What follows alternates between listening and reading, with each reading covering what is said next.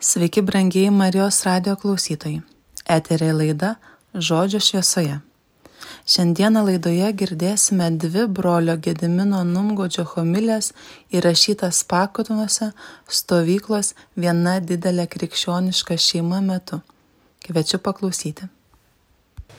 Šiandien girdėjome iš išėjimo knygos istoriją apie žydus Egipto krašte, kaip atėjo valdyti, Egiptą pradėjo valdyti naujas faraonas, naujas karalius, kuris apie Juozapą nieko nežinojo. Taigi, nežinodamas, iš kur tie žydai čia pas juos Egipte, kodėl jie tokie privilegijuoti geriausiose žemėse gyvena, nežinodamas istorijos, nepažindamas žydų, pajuto baimę jų atžvilgių. Kas yra baimės sėjėjas? Kas pasėja baimę tarp mūsų, kai mes bijome kitų, kitokių, kurių nepažįstame? Viduj veikia kažkoks, kaip Rusijoje yra toks um, statusas иностранные agentai, ne? užsienio agentai, liaudės priešai tokie, nepatikimi. Va, taip ir čia mumise, kiekviename, ko gero, kaip ir to faraono širdį, gyvena tokie agentai, apsilanko ir jie mums šnapžda, sėdami baimę, nepasitikėjimą, kaip ir tas faraonas. Tai va Izraelitų tauta pasidarė gausesnė už mus ir stipresnė, mums reikia gudriai su jais elgtis, kad ji toliau negausėtų, o karo atveju į priešų pusę nepereitų, prieš mus nekovotų, iš šalies neišvyktų. Todėl jie paskyrė tijūnus, kad tie juos prie lažo prispaustų. Mat Izraelitai turėjo statyti faraonui sandėlių miestus, būtent Pitomą ir Ramzesą, bet juo tie juos spaudė, juo šie gausėjo ir plito. Va, ko mums reikia, kad mes gausėtume ir plistume. A norim gausėti ir plist. Tai va, reikia, kas, kad, kad kažkas mus prispaustų biškiai. Tada natūraliai gamtoje pasipriešinimas vyksta, vyksta priešingi procesai. Nu, kažin, ar gudriai pasielgė faraonas. Vat būtų dar labiau kokiu nors privilegijų davę žydams, būtų įsipatoginę žydai ir visiškai nekaringi ir nepavojingi būtų buvę ir tų vaikų būtų sumažėję, nereikėtų nei nilamės nyką. Va, bet prispaudė ir jie pradėjo gausėti. Tad izraelitai kėlė jiems siaubą. Užtat egiptiečiai juos spaudė prie lažo, apkartino jų būvį, versdami juos minkyti molį, gaminti plytas, darbuotis laukuose ir atlikti kitokius priverčiamus darbus. Ir kogi jie tikėjosi taip skriausdami kad jie prieš juos nekovotų, prieš juos nesukiltų. Ką, to, ką tas faraonas savo galvoja? Ir galiausiai faraonas visai savai tautai išleido įsakymą visus hebrajams gimusius berniukus išmesti upin. Mergaitės palikite gyvas. Be abejo viešpats, kuris yra virš laiko, jo planai nesuvokiami, Kodėl jis leido taip persekiot, kad pakiltų dejonės pas jį, murmėjimas, egiptiečių keikimas, tokios vat netobulos maldos ir jis išgirdo jas ir ateina jų vaduoti. Bet kągi mums reiškia visi tie ženklai? Pagalvokim, vad pažydus yra toks posakis, toks požiūris gal geriau sakyti būtų. Ką viešpats padarė Abraomui, man padarė. Ką padarė mums Egipte, mūsų tėvams, mūsų protėviams, man padarė. Jie neatsieja savęs nuo savo protėvių patirties, tai yra tarsi jų pačių nuosava patirtis ir šventes švesdami jie bando pergyventi tą, tą, ką jų tėvai pergyveno ir tokiu būdu turi tame tam tikrą dalį. Tai tarsi jų nuosava istorija ir jeigu mes priklausydami tam kilniajam alyvmedžiui per Jėzaus kūną, įskiepyti į Jėzaus kūną, turėdami tą dvasinį ryšį su ta žydų karta, kuri gyveno kaip Abraomo palikuonis Egipte, turėtumėm irgi mokytis iš šitos patirties ir galbūt irgi sakyti, ką jiems padarė, man padarė. Tai mūsų tikėjimo protėviai tikėjimo protėviai. Ir kieno mes pusėje būsim mums, mūsų išbandymo metų atėjus. Va, buvo 41 metai, 40-ieji lietuviai, kurių tarpe gyveno žydai, irgi buvo labai gausios. Plungėje beveik pusė plungės žmonių buvo žydai. Netgi istoriniuose šaltiniuose pirmieji užrašai apie plungės gyvenvietę mini, kad ten gyveno 12 žydų šeimų ir 6 lietuvių žemaičių šeimų. Paskui vat išaugo.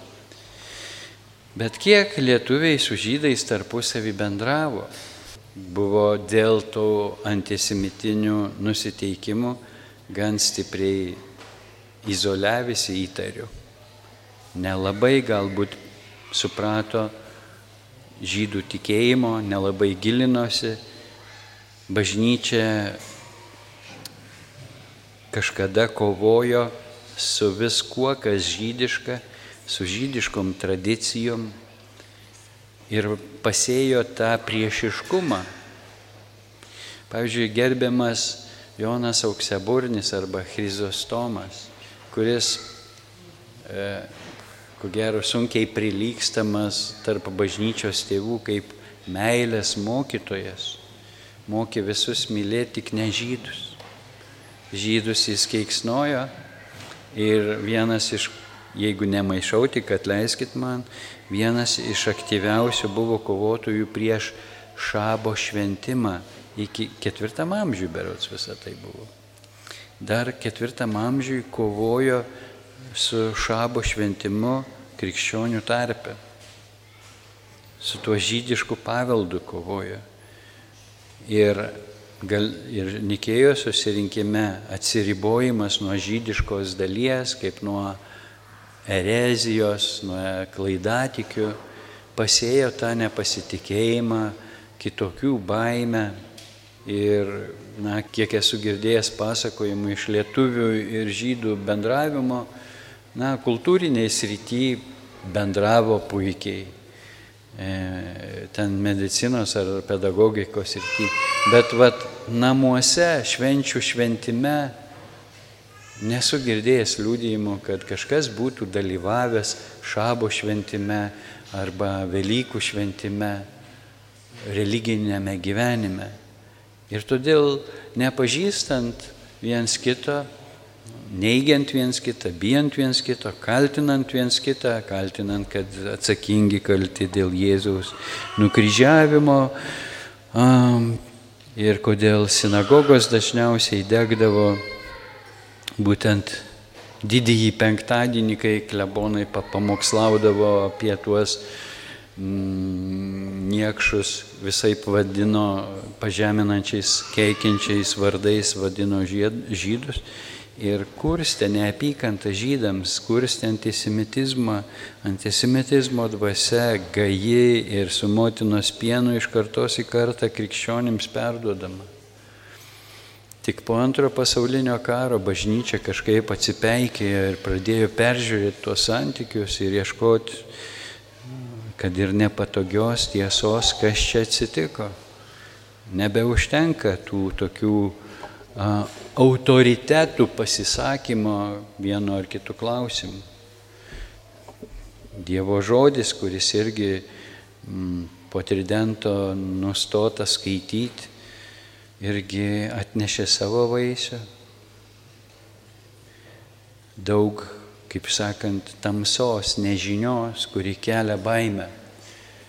Ortodoksų tarpe daug kur iš vis a, tokia įtaka yra iš Konstantino paveldėta, jis didelis autoritetas toj bažnyčioj, kad, ne, kad vengia net Seną testamentą skaityti ir ale vadovaujasi tik naujojų testamentu, kuris, aišku, paskui būna labai lengvai interpretuojamas nacionalistiniai tokioje dvasioje. Ir Rusijoje pagrindiniai Maskvos šventovėje atstatytojai, kurią buvo komunistai sugriovę, kartą rodė graužybės tos cerkvės, tai ten Jėzus yra jau nebe graikiškai aprengtas kaip pas mus, bet kaip Ivanuška su rusiškais siuvinėtais ornamentais rubeliai, kaip car Ivan. Tai va dėl to nuneigus žydų tautos išrinkimą, norisi kiekvienam būti jų vietoj, išrinktąją tautą.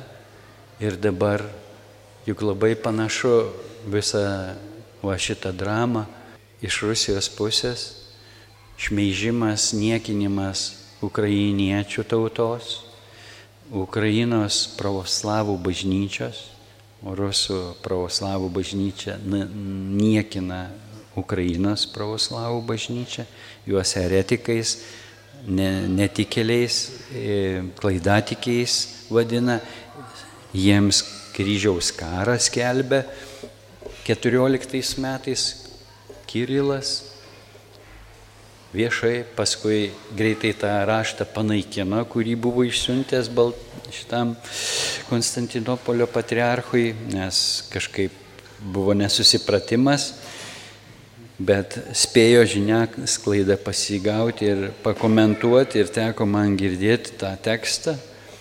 Va ten konkrečiai pateisinama aneksija, o tarp kitko visai neseniai prieš kelias dienas Maskvos patriarchas Kirilas aneksavo visas bažnyčias Donbaso ir Lugausko okupuotose teritorijose.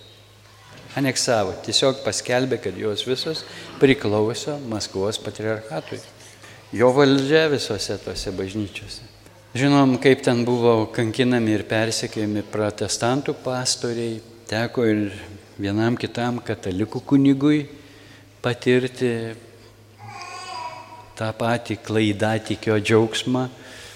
Nepasakosiu apie jo kankinimo būdus, tikrai yra žeminantis, ką šitą veislę, kaip sakant, sugeba. Va, tai, bet kodėl užsiminiau juos? Nes jie su rusiško pasaulio ideologija skelbėsi vėl esą tie išrinktoji tauta. Kai nepripažįstama žydų tauta, tai kažkas vis atsiranda, kurie pasiskelbia patys, kad jie išrinktoji tauta. Ir tai vyksta bažnyčioje, bažnyčios tarnų kunigų lūpomis. Kaip bebūtų gaila. Taigi ir vėlgi tas pats nepažinimas, šmeištas, melas, suformuota baime ukrainiečių, baisiausi fašistai, baisiausi žmogėdros, viskas, kas tiktų jiems kaip charakteristika uždėta ant ukrainiečių ir tokiu būdu pasėta neapykanta. Tarp kitko, Ukrainoje, ko gero, daugiausia procentaliai Europoje evangelinių bažnyčių ir labai aktyvi graikų katalikų bažnyčia, kur labai paplitęs charizmatinis atsinaujinimas. Labai mums sunku suderinti ikonas ne, ir, ir tą e, ortodoksinį e, liturgijos rytą su, su charizmatiniu šventosios dvasios veikimu. Aš po šitos savaitės, kitą savaitę, kaip pirmadienio vakarė, jau turėčiau būti graikų katalikų stovykloje, kaip praeitais metais mes su Violeta buvom va, ir šlovinam kartu su jais viešpatį.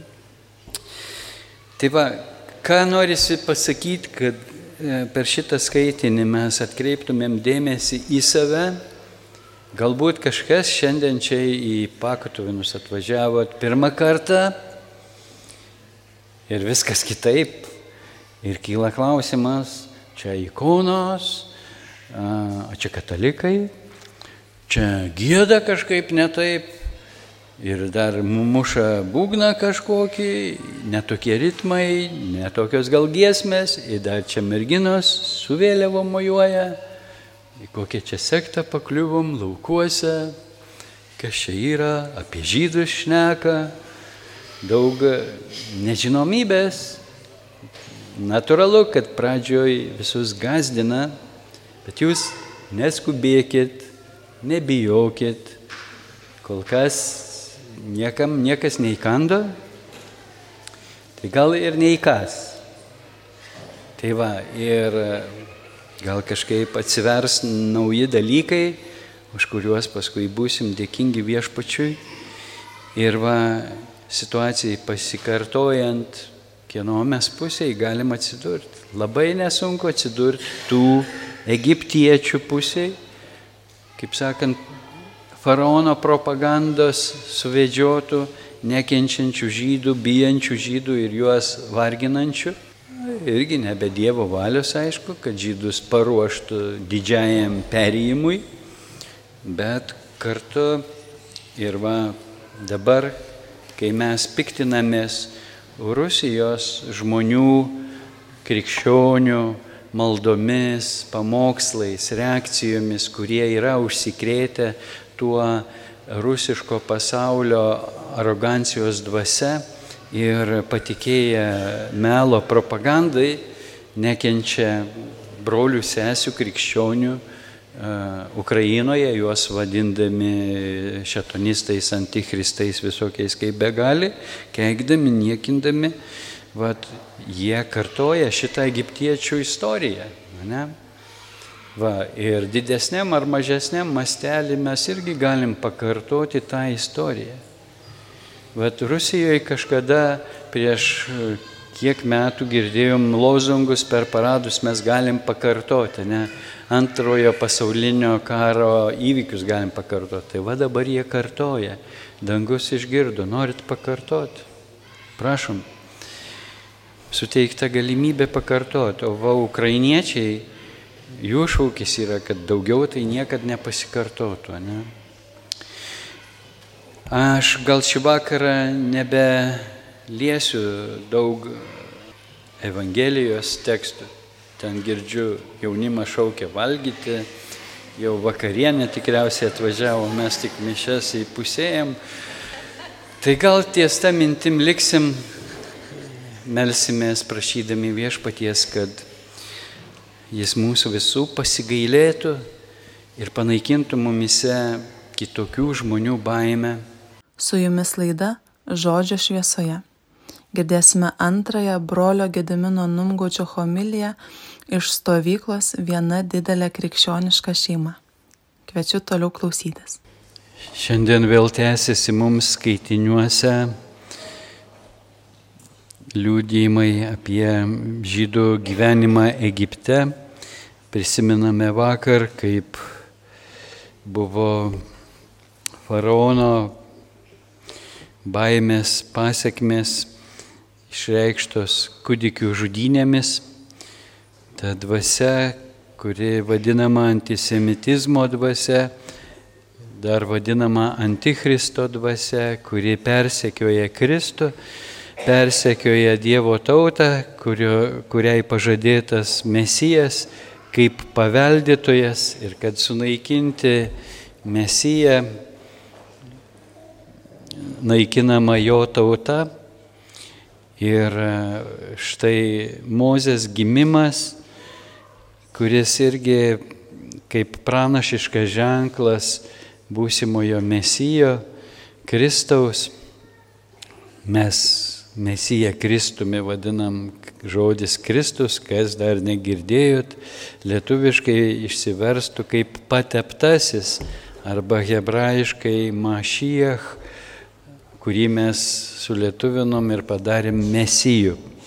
Jo prasme pateptasis, Dievo pateptasis ir prisimenam tą palyginimą apie e, vynogyną, kurį šeimininkas išnuomoja vynininkams ir kaip siunčia šeimininkas tarnus atsimti derliaus dalies pelno ir kaip jie žudomi ir kaip paskui siunčiamas sunus. Šeimininkas galvojo, kad jie jo drovėsis, bet jį nužudė, sakydami, nužudykime jį ir vynogynas atiteks mums. Tas vynogynas be abejo simbolizuoja žmoniją, žydų tautą ir tarpusą visi tie simboliai surišti. Mm, mes suprantam šiandien, kad mesijo misija neapsiribojo tik žydų tautos išgelbėjimu ir paveldėjimu. Be abejo jį jam priklauso, nors tautos vadovai, aukštieji kunigai, tos dvasios apakinti, net pažino ir atmetė pateptąjį Dievo ir paskui išsirinko kitą, kuris nebuvo Dievo siūstas, kaip šiandien girdėjom per paskaitą Barhokbos sukėlimo vadą.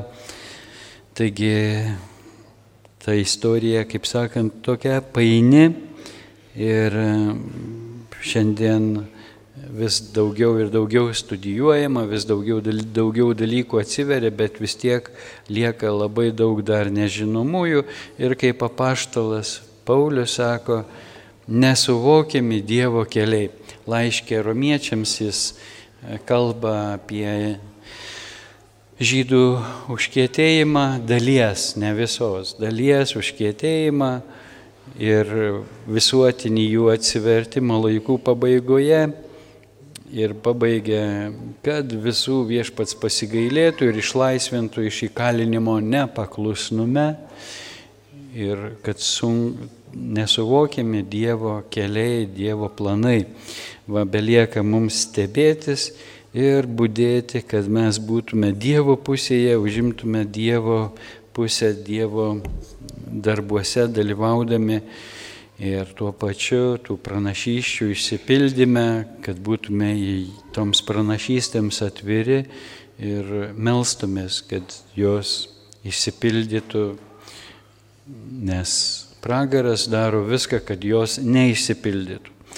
Taigi ir Mozės gimimas toks sudėtingas, jis slepiamas, prisimename Joną Krikštitoje, kaip jis buvo slepiamas irgi Iran Karaime, tokiam miestelį netoli Jeruzalės, e, tokia uola, kur vadinama, ta vieta vadinama Jonas dykumoje. Ten Jona slėpė nuo tos akcijos, kai buvo žudomi kūdikiai, o Marija su Juozapu ir kūdikiu, prisimenam, buvo priversti bėgti į Egiptą slėptis. Ir tas kūdikių žudimas vat, Egipte, metant juos į Jordaną ir Betliejui, ir ne tik Betliejui ir apylinkėse, visą kraštą buvo apėmusi ta, ta akcija kūdik, kūdikių žudimo. Mes šiandien fiksuojam daugiau E, Betliejų, bet e, iš tikrųjų ne tik Betliejuje. Vat, e, po tą akciją, kaip sakant, pakliuvo ir Jonas Krikštytojas ir dėl to jis lėpė toje uoloje, ten dar tokia mikva yra sena, ar iš Jono laikų, ar vėliau padaryta, gal netiek svarbu, esmė ten buvo šaltinis gyvojo vandens kaip sakant, šaltinis, kaip Dievo dvasios įvaizdis, viskas, kaip sakant, Dievo pramatyta. Ir kodėl Jonas užaugo dykumoje, todėl kad jį nuo vaikystės ten slėpė ir jis paskui kažkaip, ko gero, sunkiai gal adaptavusi, nors fiksuojama, kad jis lygu ir esenų bendruomeniai gyveno, kurioje buvo labai daug dėmesio skiriama raštų toros studijoms ir panašiai. Taigi tiek Jonas Krikštytojas, tiek Jėzus tarpusavį surišti ir kažkuo vat, yra surišti ir su Moze, kažkokie bendri ženklai juos lydi. Ir Moze viešpats pasirūpina, ne, toj beviltiškoje situacijoje, kai motina iš nevilties jį, kaip sakant, galima sakyti, atiduoda į Dievo rankas įdėdama į tą krepšelį, paleisdama Nilo upę ir viešpats pasirūpina taip, kad ji dar ne tik, kad e, gali auginti savo sūnų, maitinti jį ir, ir ugdyti jį kaip hebraja, bet dar už tai vat, labai toks žydiškas pailiukas, dar ir atlyginimą gauti. Va, tai viešpats mėgsta humorą Ir e, štai Mozė subrendęs jaučia, kaip sakant, kaip koks Samsonas e, rūpesti savo tauta, jis neabejingas savo tautiečiams, nors faraono rūmuose užaugęs galėjo išsižadėti, galėjo nusigręžti e, ir džiaugtis faraono dvaro malonumais privilegijuotų gyvenimų, bet štai jis kaž, kažkas įveda į, tautiečių gyvenimą ir čia pastebėjęs neteisybę, vat jis taip sureaguoja. Ir vėlgi kaip ir tas Kristus mūsų pažintas, atmetamas savo tautiečių, kas tave paskyrė būti mūsų teisėju. Ne? Viskas tarpusavį kažkaip čia surišta ir ko gero Dievo pramatymu, kad, kad žydams Jėzus būtų kaip naujasis Moze, kad jie Jėzuje atpažintų tą pažadėtą į Mesiją kaip naująjį Moze.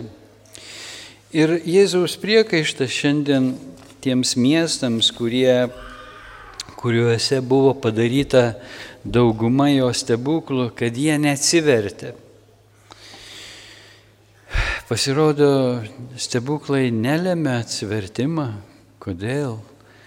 Mes kartais melžiamės ir prašom Dievę, palydėk savo žodžius stebuklais, kaip apaštalų laikais lydėjai. Ir gal neužtenka stebuklų, va tos Dievo malonės prisilietimo prie kiekvieno širdies, taip reikia. Ir e, mums norėtųsi tokio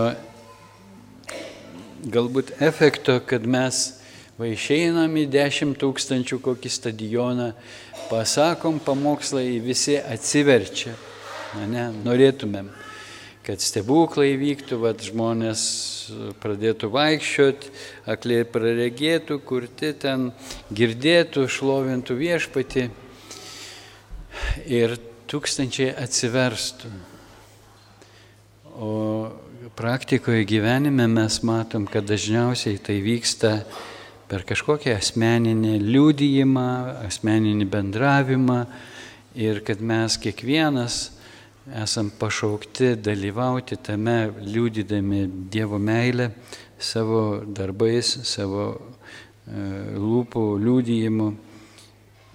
Ir tam reikia mums kantrybės, nusižeminimo, dažnai nusileisti kito žmogaus, e, kaip sakant, ribotumo, silpnumo, galbūt jis mums labai nepatogus, jo gyvenimo būdas galbūt e, mums nepriimtinas ir bendravimas su juo gali mūsų reputaciją gadinti. Ne? Ir, ir čia mums reikės numirti savo, kad tokią tarnystę galėtume išpildyti, kad leistume Jėzui e, daryti tą darbą, kam jis atėjo, ieškoti ir surasti pražuvusių ir gelbėti pražuvusius. Nesveikiesiams reikalingas gydytojas, bet ligonėms. Ir šiandien mes jam reikalingi, kad mūsų rankomis, mūsų lūpomis jis galėtų užtart pas tėvą, kad galėtų mūsų rankomis paliesti, pakelti, padrasinti, sustiprinti ir palydėti. Ir tam reikia mūsų pasiaukojimo, savęs išsižadėjimo, be kurio nebus to, tos tarnystės, to palydėjimo. Ir iš kitos pusės mums šiandien irgi gali būti tas priekaištas, Vargas tau, Horazinė, vargas tau, Betsaida, jeigu tyreisi, Donė būtų įvykę tokie stebuklai, kokie padaryti pas jūs, jie seniai būtų atsivertę ir apsirengę atgailos maišais, bet bei pasibarstę pelenais. Galbūt tiktų čia įpašyti vargas tau pakotuvenai. Jeigu Darbėnuose ir Kartenoje būtų įvykę tokie stebuklai, kokie padaryti čia, jie seniai būtų atsiverti. Ane? Mes apsiprantame su Dievo malonė, apsiprantame su Dievo stebuklais ir norime daugiau, daugiau, bet ar pakankamai mes dėkojame už tuos Dievo darbus, kuriuos regime, ar jie veda mus tikrai į didesnį pasišventimą, ar tik augina mūsų aroganciją, kad va, mes kažkokie ypatingi, va čia pakutuvinuose, čia šalom bendruomeniai priklausom, čia dar kažką, čia pranciškonai, vardai, vardai visi. O kiek keičiasi mūsų širdis, kiek iš tikrųjų mes pajėgus atgailauti kai reikia dėl ko nors pakovoti ar papasnikauti, taip sunku mums išsižadėti savo patogaus gyvenimo, įprasto gyvenimo, arba atsiverti kažkokiam naujam Dievo darbui, kurio nepažįstam ir kurio nesuprantam galbūt tuo momentu. Todėlgi sakau jums, Tyrui ir Sidonui bus lengviau teismo diena negu jums. Ir tu, Kafarnaume, negi būsi išaukštintas iki dangaus, tu nugarimėsi iki pragaro. Jeigu Sodomoje būtų įvykę tokie stebuklai, kokie įvyko tavyje, ji būtų išlikusi iki šios dienos. Todėl sakau jums, Sodomo žemė bus lengviau teismo diena negu tau. Kas belieka šiandien melst viešpati, kad viešpats duotų mums atgailos dvasios, nuo širdžios atgailos, nuo lankumo dvasios, kad mes per daug gerai apie save negalvotume, kad mes iš tikrųjų melstume viešpaties malonės, pajausti tą graudulį, tą skausmą dėl nuodėmės, kuri skaudina tėvo širdį, kad pajaustume skausmą dėl tų nusikaltimų, kurie įvykdyti mūsų žemėje, dėl holokausto aukų, kad jaustume skausmą dėl Ukrainoje besiliejančio kraujo ir skausmo motinų netekusių savo sūnų, žmonų netekusių savo vyrų, vaikų netekusių savo tėčių, kiek daug vaikų dingusių, žuvusių Ukrainoje ir kartu tuo pačiu, kiek daug abortų daroma Ukrainoje, Lietuvoje, Baltarusijoje, žudomi kūdikiai yra aukojami ant šetono altoriaus dėl patogesnio gyvenimo, atmetant motinystės pašaukimą, paniekinant motinystės pašaukimą, paniekinant kurėjo teisę ir panašiai. Ir kiek mes dėl to jaučiam skausmą savo širdį. Va, kai paskaitom Bibliją, kartais pasipiktinam, koks žiaurus tas Dievas, kaip jis leido ten, kaip jis liepia ten žudyti visus, o tuo tarpu nesprantam, kad tai yra mūsų nuodėmės pasiekmė užjaučiam žydus, buvo, kurių vaikai buvo metami į Nilą, o tuo tarpu neužjaučiame šiandien žudomų kūdikių. Viskas istorijoje kartojasi ir viskas paskui užtraukia tam tikras pasiekmes, užtraukia prakeikimą, taip kaip užtrauktas prakeikimas Kafarnaume, Jėzus pranašauja, tu nugarimėsi iki pragaro Iš tikrųjų, Kafarnaumas buvo dingęs, buvo po žemės drebėjimo sugriautas ir užneštas žemėmis ir tik galbūt kelintam čia amžiui atkastas didelė mm, dalim pranciškonų iniciatyva buvo atkasti tą Kafarnaumą prieš kiek čia porą šimtmečių, kada anglai valdė Palestiną. O iš tikrųjų, va, ta pranašystė, ten niekas šiandien daugiau ir negyvena, kaip tik pranciškonai prižiūri tą vietą, dar yra ortodoksų vienolynas ir tik piligrimų lankoma vieta, vietinių gyventojų nerasta. Melskime, kad viešpats pasigailėtų mūsų ir duotų mums jautrė širdis.